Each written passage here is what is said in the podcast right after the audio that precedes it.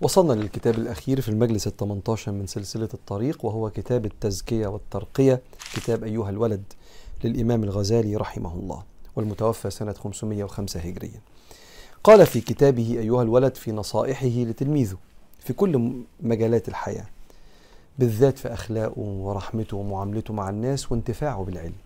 كان بيحكي له قصة شقيق البلخي الإمام وتلميذه حاتم. الأصم.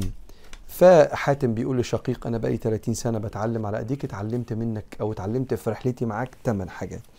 قال له إيه الثمان حاجات دول؟ فقال له أربعة خدنا منهم أربعة وناخد الفائدة الخامسة النهاردة.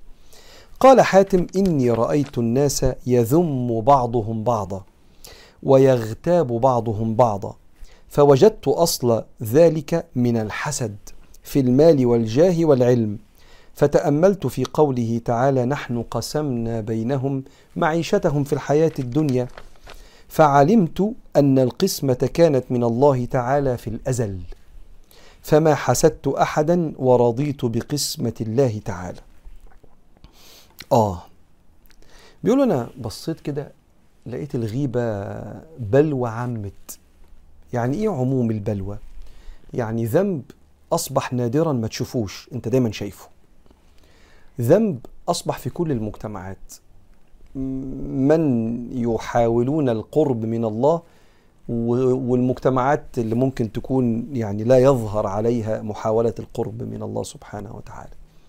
وكأن الغيبة دي حاجة محتاجين نخاف منها فيروس كده بيصيب أغلب الناس. فبيقولوا أنا إيه شفت موضوع الغيبة ده.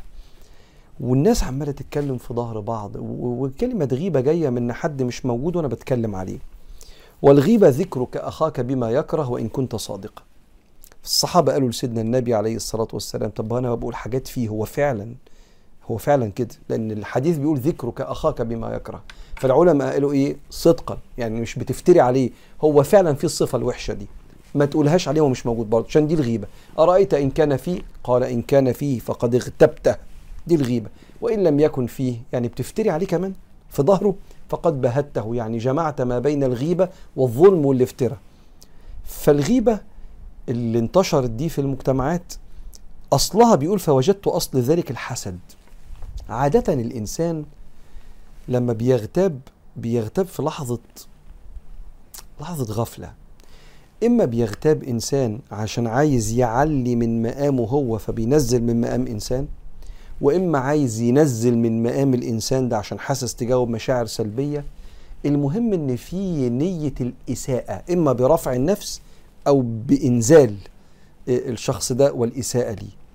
وهي مشاعر مش مش مسالمة مش صالحة.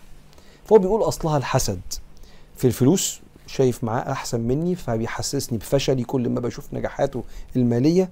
في الجاه الناس بتحبه.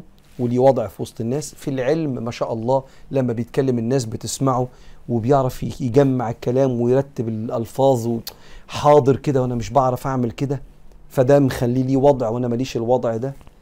بعدين افتكرت هو بيقول كده افتكرت إن الحاجات دي ربنا قسمها قبل ما يخلقنا في الأزل. يوم ما كان الله ولم يكن شيئا معه. الزمن ده اسمه الأزل. الله سبحانه وتعالى قديم زي ما درسنا في العقيدة. وبعدين خلق الخلق سبحانه وتعالى. ولما خلق الخلق قبل يعني الله سبحانه وتعالى أعطى قسمة الأرزاق قبل أن يخلق الخلق. قال صلى الله عليه وسلم أول ما خلق الخلق أول ما خلق الله الخلق خلق القلم. قال اكتب. قال وما أكتب؟ قال اكتب ما هو كائن إلى يوم القيامة.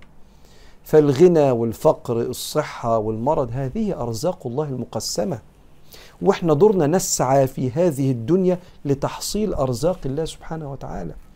فالإنسان بيطمئن لما بيتصالح مع المعنى ده بيطمن إن اللي قسم الرحيم العدل الحكيم سبحانه وتعالى.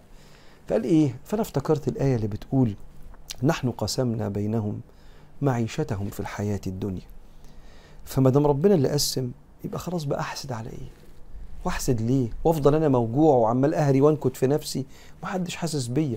واغتاب وتقل ميزان سيئاتي ويجي الناس تاخد مني حسناتي يوم القيامة وأبقى واقف محرج قدام ربنا وعمال بطلع من حسناتي ولا آخد من سيئات الناس.